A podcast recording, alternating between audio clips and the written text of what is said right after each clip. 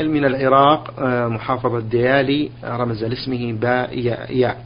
يقول فضيلة الشيخ ما حكم من يقوم بالقراءة على الأطفال وكتابة بعض الكلمات أو العبارات في أوراق وتبقيرها لهم؟ زعما منه أن في هذا شفاء لهم من الخوف أو غير ذلك مما يسمونه آه، بهذه الأسماء. مع العلم بأن هذه العبارات قد تكون غير مفهومة وأن هذا الرجل لا يأتيه الناس ويقولون إن الله هو الشافي وأن هذا سبب في الشفاء. الحمد لله رب العالمين وصلى الله وسلم على نبينا محمد وعلى آله وأصحابه ومن تبعهم بإحسان إلى يوم الدين. تعليق التمائم. نعم. أو وضعها تحت الوسادة في الفراش أو تعليقها في جدار الحجرة أو ما أشبه ذلك كله من البدع بل مما نهي عنه. فمن تعلق تميمة فلا أتم الله له. والشفاء الذي يحصل بهذا ليس منها بل هو فتنة. حصل عندها لا بها. لكن اختلف السلف رحمهم الله فيما إذا كان المعلق من القرآن. هل هو جائز أم لا؟ فكرهه ابن فكرهه ابن مسعود وجماعة. وهذا أقرب إلى الإخلاص والتوكل على الله عز وجل. وأجازه آخرون. وأما ما ليس من القرآن فلا يجوز. لا سيما إذا كان فيه حروف لا يعرف معناها. فإنها قد تكون أسماء للشياطين. وطلاسم سحرية. نعم. فلا يجوز اعتمادها. حتى لو حصل الشفاء عند استعمالها فإنه لم يحصل بها. لأنها لأنه لم يقم دليل على أنها سبب شرعي ولا هي سبب حسي. لكن قد يبتلي الله سبحانه وتعالى العبد ويفتنه فيحصل مطلوبه بوسيلة محرمة. فليحذر العاقل اللبيب من هذه الأمور. وليستعن بالله عز وجل وليتوكل عليه. نعم لو وجدنا رجلا صالحا يقرأ على المريض بالقرآن الكريم وبالأحاديث النبوية فهذا لا بأس به وهو من السنة. أن يرقي الإنسان أخاه أن يرقى الإنسان أخاه. بالرقى المشروعة. نعم. يستفسر في سؤاله الثاني عن آية كريمة في قوله تعالى والقواعد من النساء اللاتي لا يرجون نكاحا فليس عليهن فليس. فليس عليهن جناح أن يضعن ثيابهن غير متبرجات بزينة وأن يستعففن خير لهن والله سميع عليم. معنى الآية أن القواعد وهن العجائز اللاتي قعدن في البيوت ولا يرجون نكاحا. يعني ما يأمن إن أن يتزوجهن أحد لكبر سنهن. ليس عليهن جناح أن يضعن ثيابهن. يعني الثياب التي تستر المرأة كلها. نعم. فلها أن تكشف الوجه والكفين والرجلين. بشرط ألا تكون متبرجة بزينة. بمعنى ألا تلبس ثيابا تفتن بها غيرها.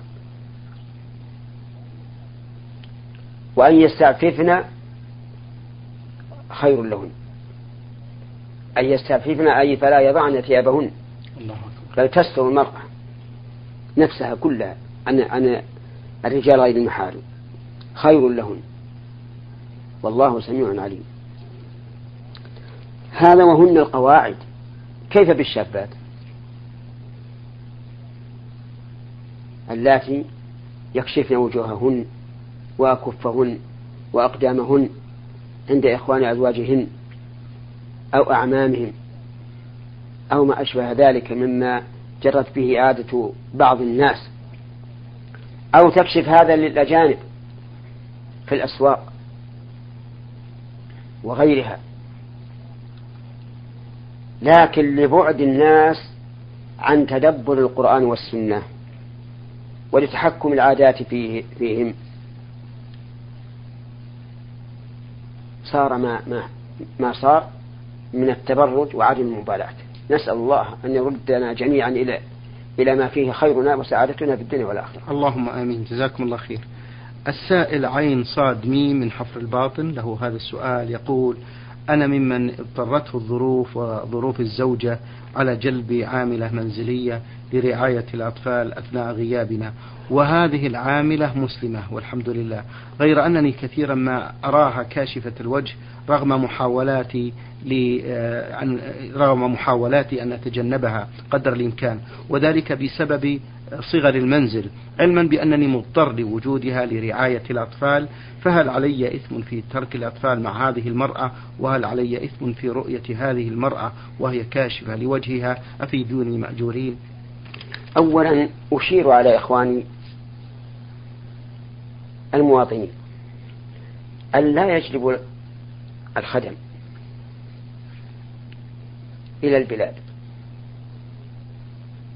لأن هذا يؤدي إلى مفاسد في بعض الأحيان. ويؤدي إلى أن المرأة ربة البيت لا تشتغل بالبيت. تبقى يدها على خدها ويستولي عليها الهواجس والهموم ولا يتحرك البدن تحركا يوجب النشاط. تجد ربة البيت نائمة ليلا ونهارا. والخادم تشتغل. لماذا؟ كون المرأة تشتغل بنفسها وتحرك دمها وأعصابها أولى بكثير. ثانيا أنه حصل مفاسد عظيمة من هؤلاء الخدم. نعم. فكم سمعنا من رجل مستقيم كبير السن أغواه الشيطان فحصل ما حصل من الفاحشة بينه وبين الخادم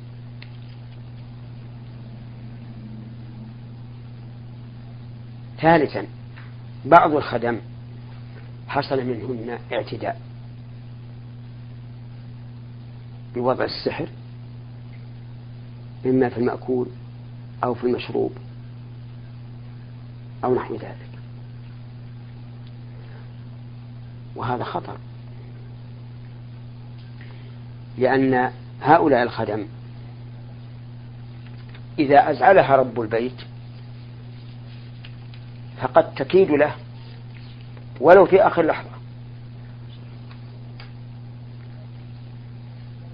لذلك بالدرجة الأولى أنصح إخواننا المواطنين من جلب الخادمات.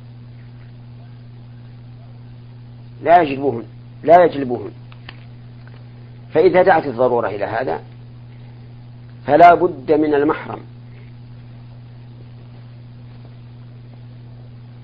لأن النبي صلى الله عليه وعلى آله وسلم قال لا تسافر امرأة إلا مع ذي محرم خادم امرأة.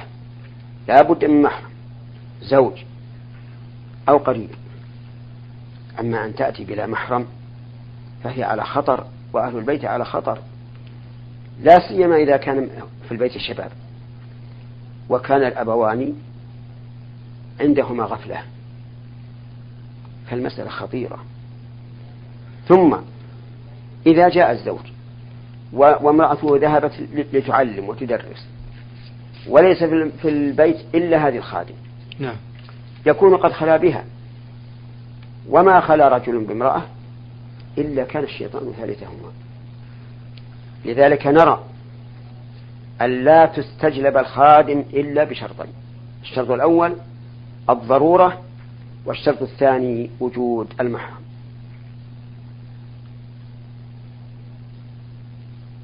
أما نظر الإنسان إلى وجهها فهي مثل, مثل غيرها لا يحل له أن ينظر إليها وهي غير محرم له. له النظرة الأولى إذا جاء إذا دخل البيت وهي كشفة الوجه ولم تعلم به فهنا يصف بصره وتتغطى المرأة وينتهي الإشكال. وأما أن تبقى كاشفة وجهها تأتي له بالشاهي والفطور والعشاء والغداء وهي كاشفة. لا سيما إن كانت شابة وجميلة. فالشيطان لا بد أن يحرك الساكن. نعم. أحسن الله إليكم. هذه السائلة أم عبد العزيز من الرياض تقول من باب المحبة للرسول صلى الله عليه وسلم أو أحد الصحابة هل يجوز للإنسان أن يحج عنهم؟ آه، أما الصحابة فلا بأس.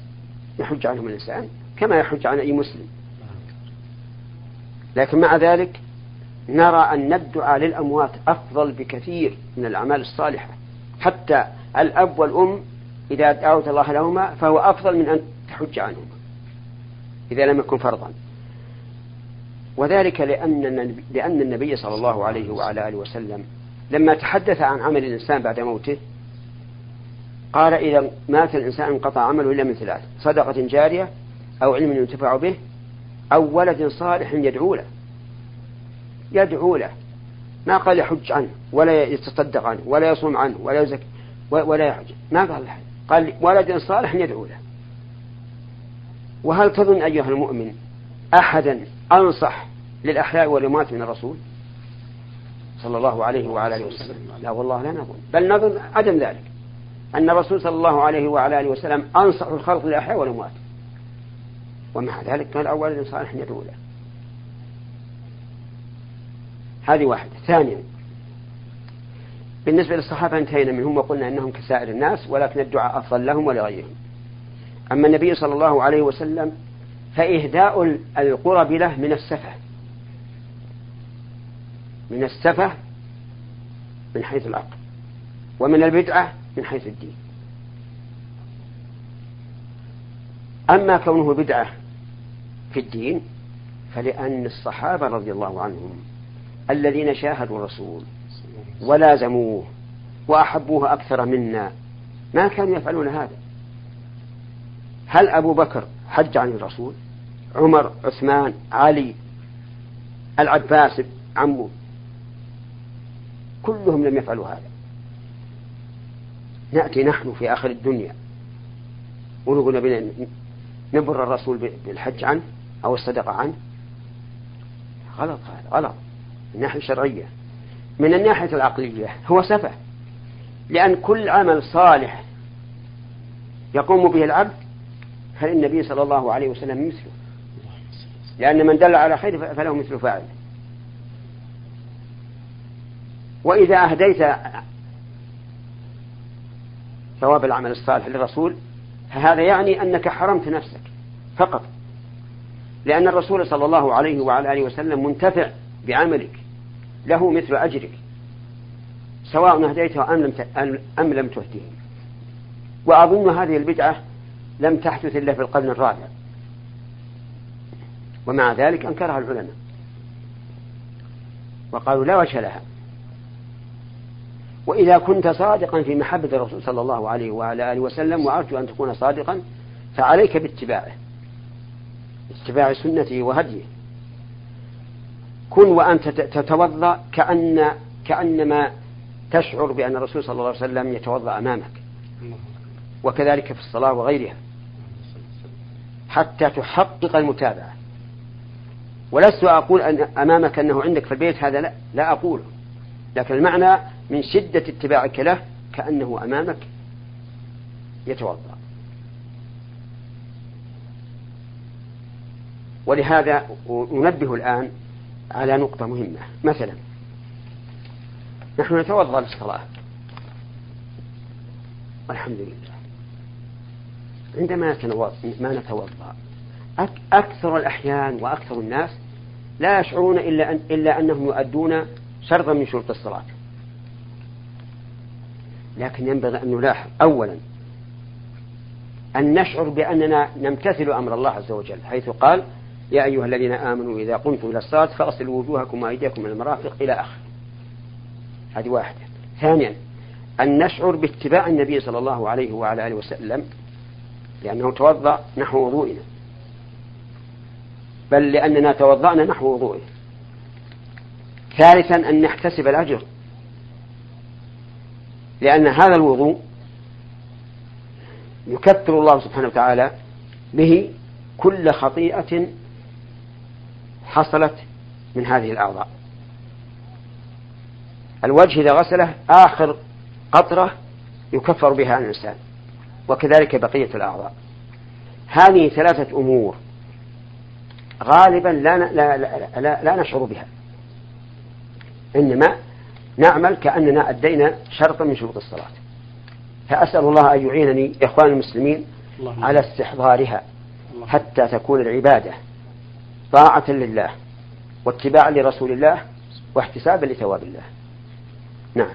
جزاكم الله خير. ولكن فضيلة الشيخ هناك أناس غلوا في الرسول وتجاوزوا الحد في محبته وهناك أناس فرطوا وتساهلوا في محبته كيف نوجه مثل هؤلاء؟ كلهم أخطأوا. لا الذين فرطوا ولا الذين أفرطوا. والخطر من عظيم على الجميع. أما الذين غلوا فيخشى عليهم من الإشراك به. ولهذا ادعى بعضهم أنه أن الرسول صلى الله عليه وعلى آله وسلم يعلم الغيب.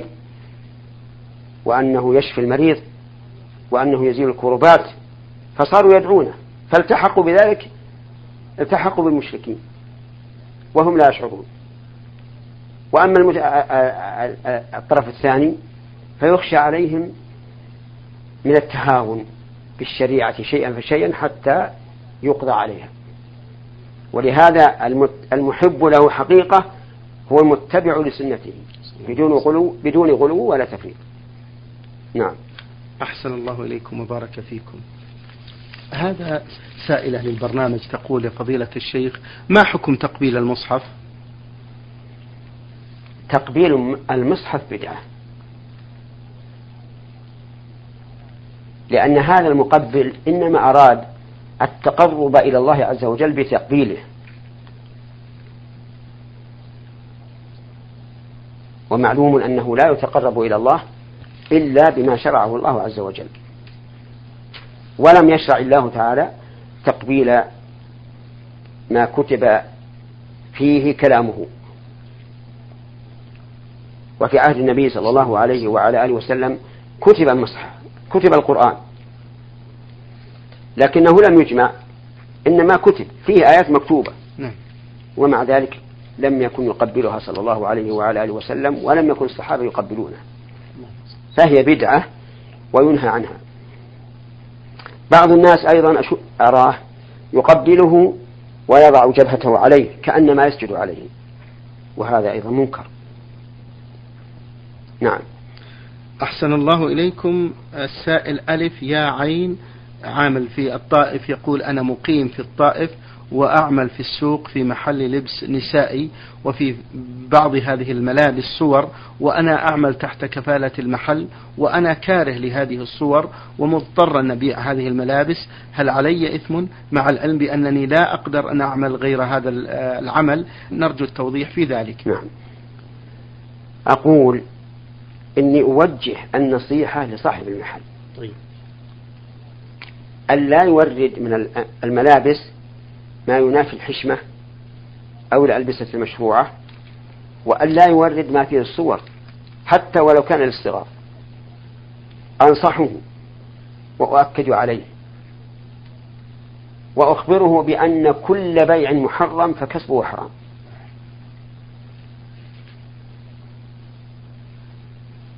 وإذا كان يأكل الحرام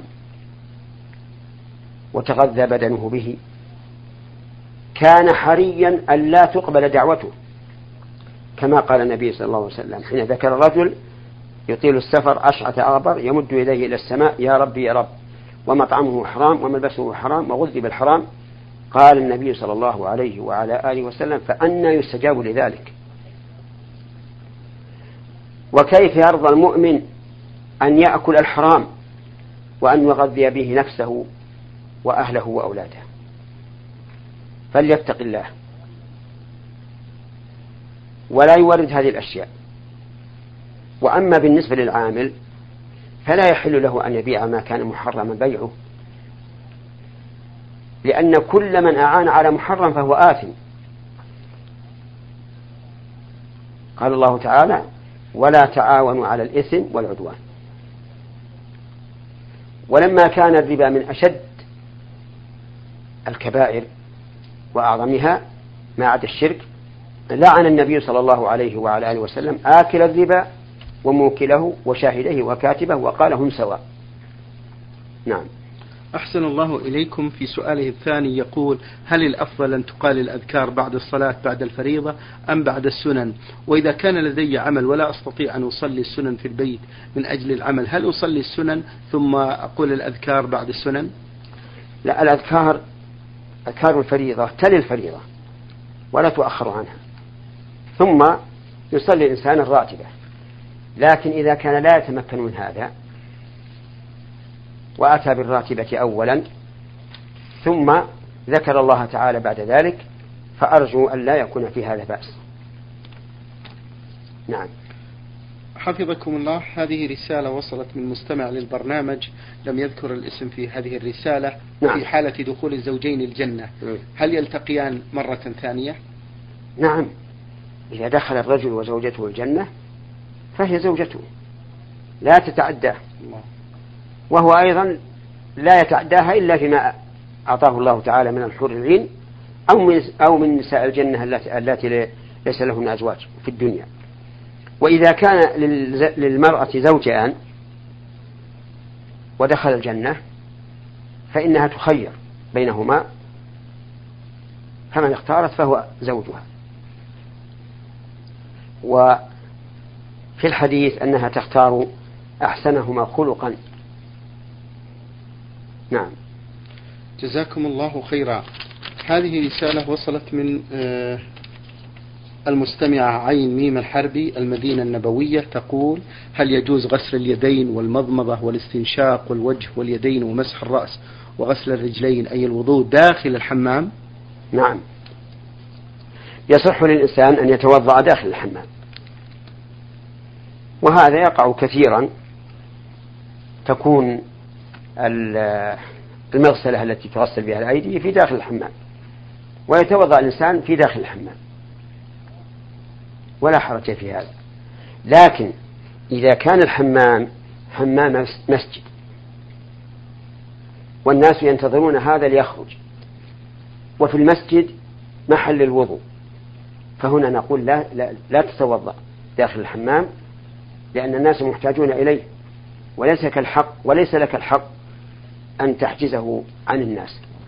بل إذا استنجيت فاخرج وتوضأ في محل المواضع. وتوضأ في المواضع. نعم. جزاكم الله خيرا من المدينة النبوية السائل ميم عين عين. يقول هذا السائل يوجد عندي أولاد فيهم واحد قائم بخدمتي ويقف معي في كل حاجة والآخرين لا يسألون عني. فأما الكبير فلا يرد علي تحية الإسلام مع العلم بأنه يسكن بجواري وأما الصغير فعمله في مدينة أخرى. ولا يقوم بزيارتي في السنتين سوى مرة واحدة. ويوجد عندي أراضي فهل يجوز أن أختص أو أخص الذي معي بشيء آه، من هذه الأراضي مقابل خدمته لي ووقفته معي وسؤاله عني حيث لا يسأل عني سواه بعد الله عز وجل؟ نعم. أقول إذا كان يعمل معك. فإن كان متبرعا يريد بذلك ثواب البر فلا, فلا تعطيه شيء. وأما إذا كان يتشوف إلى أن تجعل له شيئا فهنا لا حرج أن تجعل أن تجعل له أجرة بقدر ما يعطاه غيره. فمثل لو قدر أن هذا الولد أجنبيا ليس ولدا لك وأجرته في الشهر خمسمائة ريال فأعطيه خمسمائة ريال ولا حرج ما دام يعمل عندك. أو أعطه سهما من الربح بقدر ما يعمل به من المال. كمضارب أجنبي. نعم. أما الآخران اللذان ذكر عنهما ما ذكر فإني أنصحهما أن يتوبا إلى الله عز وجل وأن يبر بوالدهما أخشى عليهما من العقوبة في الدنيا قبل الآخرة. ومن بر بأبيه بر به أبناؤه. نعم. جزاكم الله خيرا في ثاني أسئلة هذا السائل آه، يقول فضيلة الشيخ لقد أكرمني الله عز وجل وحجيت عدة مرات فهل الأفضل أن أقوم بالحج كلما استطعت أو أن أقوم بالتصدق بمصاريف ذلك الحج على الفقراء والمساكين؟ هذا حسب ما, ما تدعو الحاجة إليه. فإذا كان الناس في حاجة إلى الصدقة فالصدقة أفضل. وإذا لم يكونوا في حاجة فالحج أفضل. حفظكم الله السائل محمد صالح آه، من اليمن يقول يا فضيلة الشيخ وافق العيد يوم الجمعة حيث حضر إمام المسجد وصلى بالمأمومين صلاة الظهر فقط. فما الحكم في ذلك؟ بدون خطبة. صلى الظهر بالمأمومين بالمأمومين دون خطبة فما الحكم؟ الواقع المسألة فيها خلاف بين العلماء رحمهم الله والقول الراجح الذي دلت عليه السنة أن أن الناس يصلون صلاة العيد. في مصلى العيد. نعم. ومن حضر و... نعم. وأن الإمام يقيم صلاة الجمعة في مساجد الجمعة. ويقول الإمام في خطبة العيد من حضر معنا صلاتنا هذه لم تلزمه الجمعة. ويصلي في بيته صلاة الظهر. ولا يقام في البلد إلا الجمعة فقط. فالآن تصل نقول إذا وافق الجمعة يوم العيد تصلى صلاة العيد ولا بد. ومن حضرها فله الخيار بين أن يصلي الجمعة مع الإمام أو يصلي في بيته. ثانيا يجب إقامة الجمعة في البلد. فمن حضرها صلى جمعة ومن لم يحضرها فإنه يصلي في بيته. ثالثا لا تقام صلاة الظهر في المساجد في ذلك اليوم. لأن الواجب في المساجد الجمعة فلا تقام صلاة الظهر. هذا هو القول الراجح الذي دلت عليه السنة. شكر الله لكم يا فضيلة الشيخ وبارك الله فيكم وفي علمكم ونفع بكم الإسلام والمسلمين. أيها الإخوة والأخوات